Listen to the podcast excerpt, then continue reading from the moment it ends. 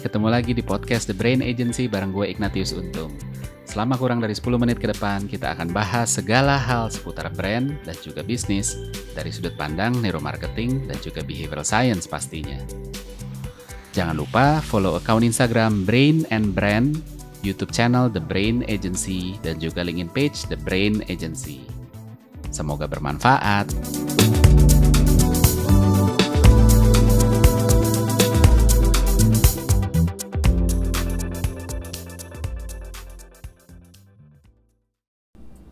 Berbagai penelitian bilang bahwa 70 sampai 80% produk yang ada di pasaran tuh gagal. Apa pun produknya ya. Uh, kalau kita lihat juga sebenarnya rata rata-rata supermarket deh ya. Supermarket itu menjual produk yang ada yang puluhan ribu, ada yang ratusan ribu SKU. Jumlah jumlah produk yang ada di supermarket itu segitu banyak. Tapi apa semuanya laku? Enggak juga gitu ya kalau kita ngomong juga soal apa namanya restoran, restoran juga sama, menunya banyak, ada yang tebel-tebel gitu ya. Tapi kalau dicek, kalau ditanya, sebenarnya yang terjual itu-itu lagi gitu. Mungkin sekitar 10 sampai 20% dari dari menu yang ada itu menguasai kurang lebih 80% dari total pemasukannya.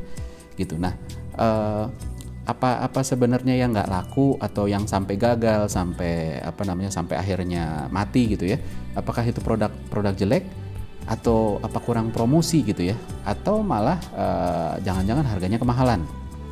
Sebenarnya enggak. Sebenarnya begini ya ada banyak faktor ya. Tapi saya mau ngelihat dari dari perspektif marketing perspektif brand gitu ya. Uh, sering kali kita itu sebagai manusia tuh pede. Apalagi kalau ngerunning bisnis. Uh, kita bikin produk yang bagus banget gitu ya.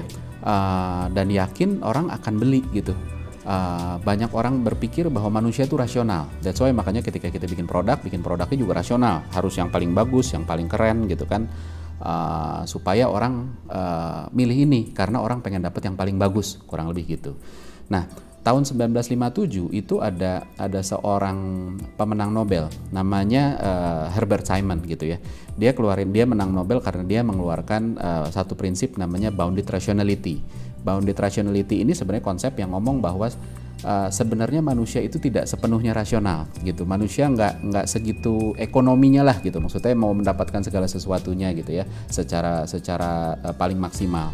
Nah kalau kalau bounded rasional ini diterapin ke dalam uh, apa bisnis gitu ya ada ada tiga ada tiga hal yang sebenarnya membuat orang uh, terjebak sama bounded rationality ini.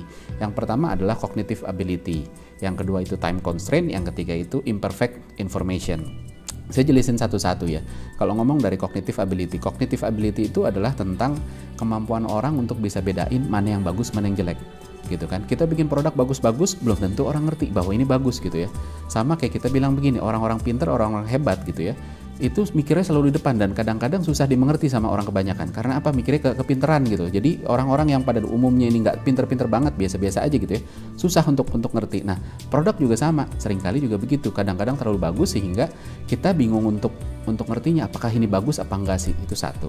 Yang kedua time constraint ini udah paling standar lah ya. Kadang-kadang ketika kita beli barang kita diburu-buru harus ini harus itu. Nggak bisa benar-benar detail uh, ngebandingin satu banding satu gitu ya uh, speknya dan lain sebagainya sehingga kita uh, pada akhirnya memilih untuk ya udah deh uh, kalau nggak dapat yang paling bagus minimal yang kita cari adalah yang cukup bagus buat kita gitu kan kita jadi satisfier namanya jadi satisfy aja asal good enough buat buat kita ya udah itu yang kita ambil yang ketiga adalah imperfect information. Nah ini yang paling sering banget di apa uh, menjadi kesalahan orang-orang. Uh, orang uh, mengkomunikasikan sesuatu itu lebih kepada ke, kalau dalam konteksnya produk ya lebih kepada uh, apa yang mereka pikir perlu mereka katakan, tapi bukan apa yang mereka pikir uh, konsumen akan ingat gitu loh. Jadi uh, sering kali kita ya di mana pun lah ya apalagi orang marketing orang marketing bikin iklan segala macam kita berusaha untuk eh logonya kurang gede eh feature ininya belum masuk eh itunya belum masuk dan lain sebagainya kita pikir itu akan relevan buat orang padahal belum tentu relevan juga gitu dalam banyak kesempatan malah nggak relevan sehingga orang nggak dapat bahwa oh ini yang bagus. Nah hal-hal kayak begini yang sebenarnya membuat produk-produk yang sebenarnya bagus gitu ya, walaupun nggak semua yang mati itu bagus gitu, tapi produk-produk yang bagus itu jadi akhirnya nggak bisa uh, terjual dengan dengan baik gitu kan. Nah selain itu sebenarnya ketika kita beli barang gitu ya, otak itu punya punya punya kalkulasinya sendiri gitu kan.